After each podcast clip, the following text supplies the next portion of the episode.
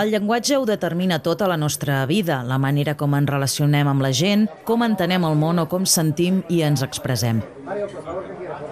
Ens permet fer la compra, submergir-nos en un llibre o enviar un missatge als amics. Per això, quan falla, és important detectar-ho, quan abans millor, i fer una intervenció primerenca que faciliti un desenvolupament el més òptim possible. Avui dediquem una veina de mielina a parlar sobre el trastorn del desenvolupament del llenguatge, quan les paraules no troben el seu lloc. Veines de mielina, un podcast accessible de l'Institut Goodman, coproduït amb Badalona Comunicació. Connectant neurociència i persones.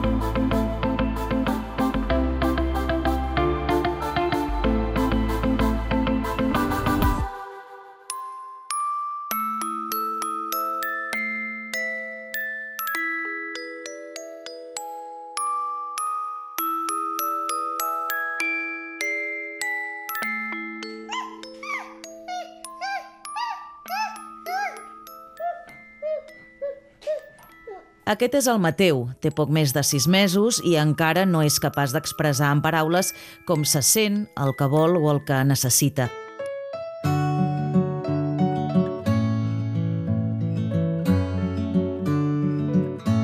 Però això no vol dir que no es comuniqui. Com explica Alfonso Igualada, doctor en Ciències del Llenguatge i Logopeda a l'Institut de Salut Cerebral i Neurorehabilitació Goodman Barcelona, abans de les primeres paraules passen moltes coses. Els infants desenvolupen el llenguatge des dels primers moments de, de la seva vida, fins i tot des que estan a barriga, no?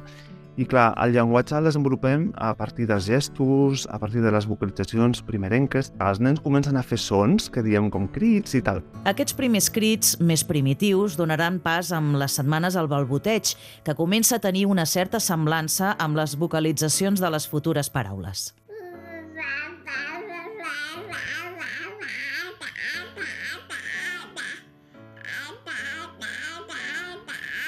I que cap als 10 mesos poden derivar en el que anomenem protoparaules, combinacions de sons que de manera consistent serveixen per anomenar alguna cosa.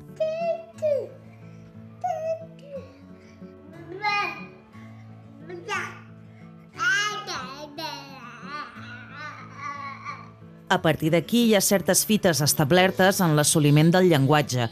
Per exemple, apareix el gest d'assenyalar, un dels precursors més importants del desenvolupament del vocabulari. Quan més coses senyalen, llavors més vocabulari hi haurà. I, de fet, les diferents coses que assenyala, segurament en uns mesos seran les coses que després dirà o que comprendrà millor. I l'evolució no s'atura. Cap als 12 mesos es pot esperar que un infant comenci a dir les seves primeres paraules. Als 16 mesos combinen un gest i una paraula amb significats diferents, la qual cosa deriva, als dos anys, en la combinació de dues paraules, com per exemple mamà, vine o vull galetes.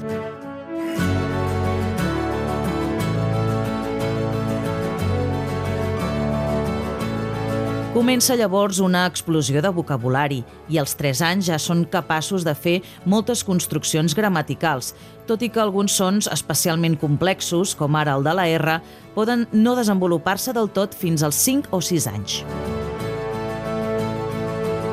Alfonso Igualada explica que totes aquestes fases no són una ciència exacta i no existeix un moment concret per assolir-les, però sí que és important parar atenció a certs signes d'alerta hi ha fites de desenvolupament que són especialment importants. Per exemple, si no ha fet unes vocalitzacions que semblin a les dels sons de la llengua que parla, si encara no està fent aquest tipus de sons o no està fent cap mena de so, per exemple, i ja té 12 mesos, si hi ha una diferència de 6 mesos o un any de lo que serien les fites de desenvolupament que hauria de fer, ja ens han de, han de fer pensar. Si mai ha fet un gest d'assenyalar, mai ha fet gestos de manera comunicativa, doncs són indicadors de risc.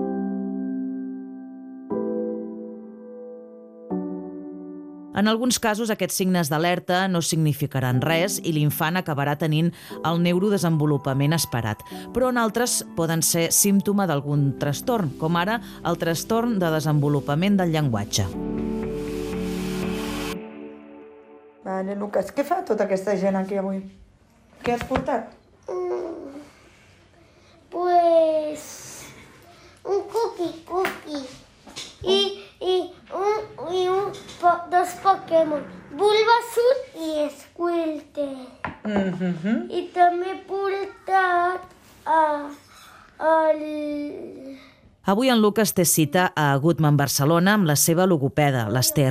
Té 7 anys i fa uns mesos la seva mare, la Raquel, el va aportar per fer una valoració neuropsicològica juntament amb el seu germà Bessó. Havia notat que alguna cosa no funcionava del tot bé, tot i que no sabia el què. Desde los dos años más o menos, pues consultábamos por niños muy movidos, niños bueno, que no paraban, que siempre estaban moviéndose, que no había manera de, de ponerles límites y con dificultades a la hora de, de poder hablar. Siempre comparábamos con nuestra hija mayor, que se llama Elsa, que tiene dos años más. Entonces, a veces las comparaciones son odiosas, pero realmente notábamos mucha diferencia entre el desarrollo de una niña y los gemelos.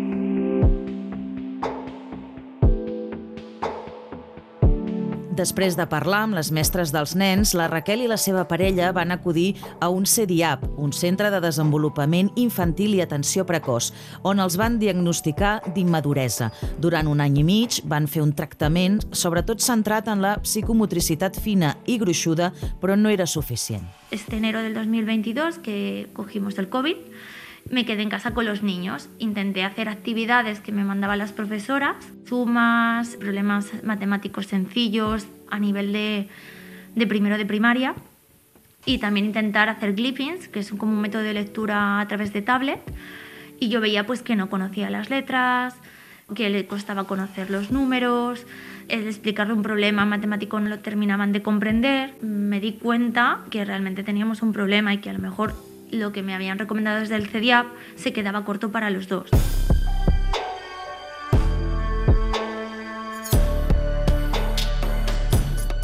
Així és com al Lucas li van diagnosticar un trastorn del desenvolupament del llenguatge, una patologia en què el llenguatge es converteix en un arxivador desendreçat, una pluja de paraules que va caient i que les persones afectades no poden ordenar. Tot i que els símptomes depenen de cada cas, els infants afectats solen utilitzar paraules genèriques com cosa o això perquè no troben el vocable exacte que necessiten. També poden tenir dificultats en el reconeixement de les lletres o utilitzar sempre l'infinitiu dels verbs en lloc de la conjugació. Hi ha algun metall aquí? Hi ha algú de metall? Sí. Algú metàl·lic? Sí. No, però no s'enganxa res. O es donen situacions en què, com en aquest cas, a l'infant li costa trobar la paraula que necessita i substitueix l'adjectiu metàl·lic pel substantiu metall, perquè habitualment els noms són més fàcils de recuperar. O en què té dificultats per buscar una estratègia alternativa, com per exemple dir una cosa de metall.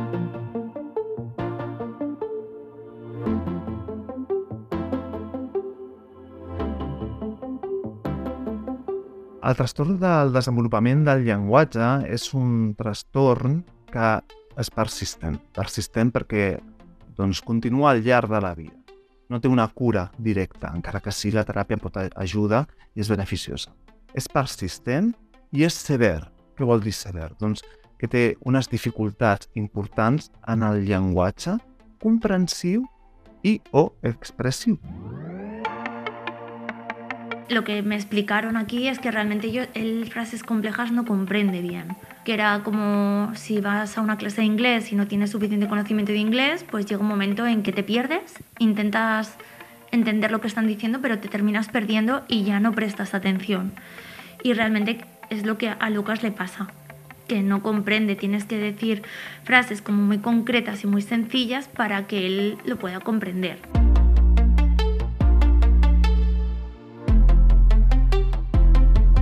S'estima que prop del 7% de la població té un trastorn del desenvolupament del llenguatge, la qual cosa vol dir que en una aula de 24 alumnes, aproximadament dos infants el presenten.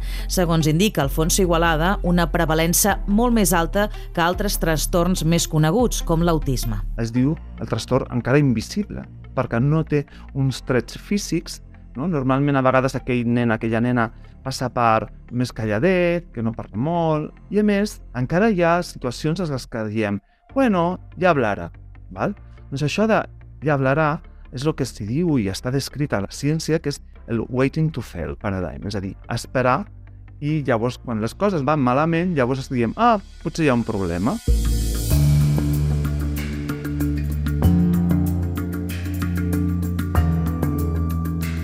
Eulàlia Solís, neuropsicòloga de l'Institut de Salut Cerebral i Neurorehabilitació Goodman Barcelona, explica que aquest retard en el diagnòstic no només afecta la capacitat de comunicar-se de l'infant, sinó també altres esferes del seu desenvolupament. Els problemes una mica de conducta. Per què els problemes de conducta? Perquè, clar, la manera de resoldre un conflicte no? sense agressivitat és a través de la paraula si nosaltres no tenim accés no, a poder verbalitzar o a poder demanar les coses bé, doncs utilitzarem molt més l'agressivitat, el pagar, el mossegar i el treure les coses sense demanar-les perquè no tenim aquesta habilitat de poder gestionar aquella situació d'una altra manera. ¿no? Lucas se frustraba mucho porque no sabía expresar. O sea, explicaba cosas, no te entiendo, no te entiendo. Hijo, Lucas, de verdad, a ver, repite, no te entiendo. Y esto al final el niño mmm, le frustraba, se enfadaba, mmm, pataleaba. Y bueno, gracias a Eulalia y gracias al diagnóstico tanto de Berta como de, de Gilma, pues yo ahora acepto unas circunstancias que de ellos no conocía y intento entenderles y me dieron unas pautas para yo no ponerme nerviosa, intentar entenderles mejor y creo que a raíz de ahí nuestra familia está más unida y más tranquila en este sentido. Princesa. Busca, busca una princesa. Sí. Mm. Però com és la princesa? Quin color té el cabell? Té el cabell i la De quin color? A veure, el nino què et diu? Amarillo. De color groc. És rosa.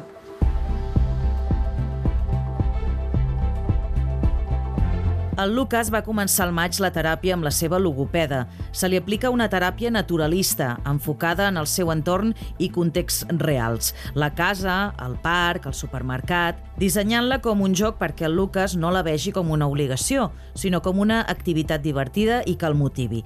I sobretot tenint en compte totes les persones que conformen el seu entorn proper. L'entorn familiar no només inclou els pares, sinó totes aquelles persones no, que tenen relació directa i diària, diguem-ne, habitual amb el nen. Lo important és que tot l'entorn del nen treballi cap a això perquè hem d'aconseguir que totes les hores i tot contra més moments tingui d'aprenentatge, doncs la intervenció i la millora, sobretot la millora del nen, sigui més fàcil d'aconseguir. Mira, quina lletra és aquesta? No. Quina sembla? X. Ah, que sí. Aquesta que és així és una T. Moltes vegades el diagnòstic del trastorn del desenvolupament del llenguatge arriba força més tard que les famílies detectin que passa alguna cosa. En el cas de la Raquel, van ser anys d'angoixa i incertesa en què, confessa, es va sentir molt sola i abandonada per un sistema sanitari que no li oferia una resposta al que ella veia que necessitava el Lucas ens trobem que les famílies moltes vegades les culpabilitzen, no?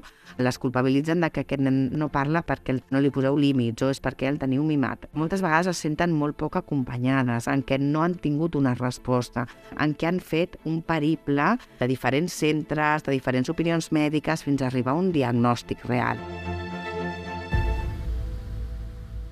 Ara les coses són molt diferents.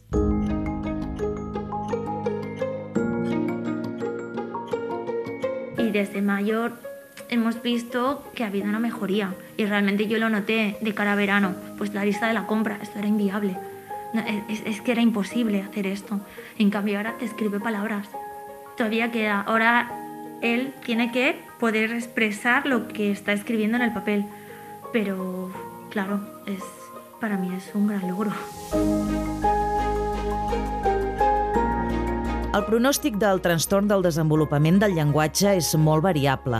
Dependrà de l'alteració en el llenguatge o del moment en què es diagnostiqui, entre altres factors.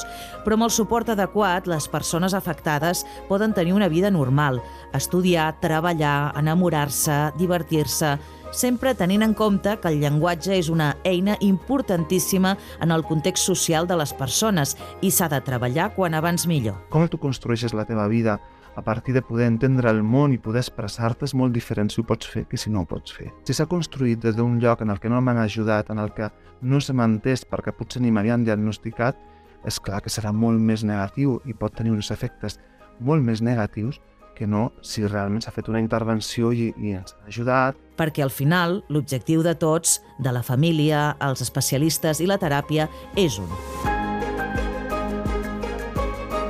Que puedan vivir, que tengan un trabajo, que, que puedan tener una vida digna y que sobre todo sean felices. Veines de mielina. Un podcast accessible de l'Institut Goodman, coproduït amb Badalona Comunicació. Connectant neurociència i persones. Línia editorial Fundació Institut Goodman. Producció, redacció i guió, Júlia Bestart. Realització i muntatge, Jordi Abril. Locució, Míriam Díaz. Supervisió de guió, Montse López i Elisabet González. Amb el suport de la convocatòria Joan Oró 2022 de la Fundació Catalana per a la Recerca i la Innovació.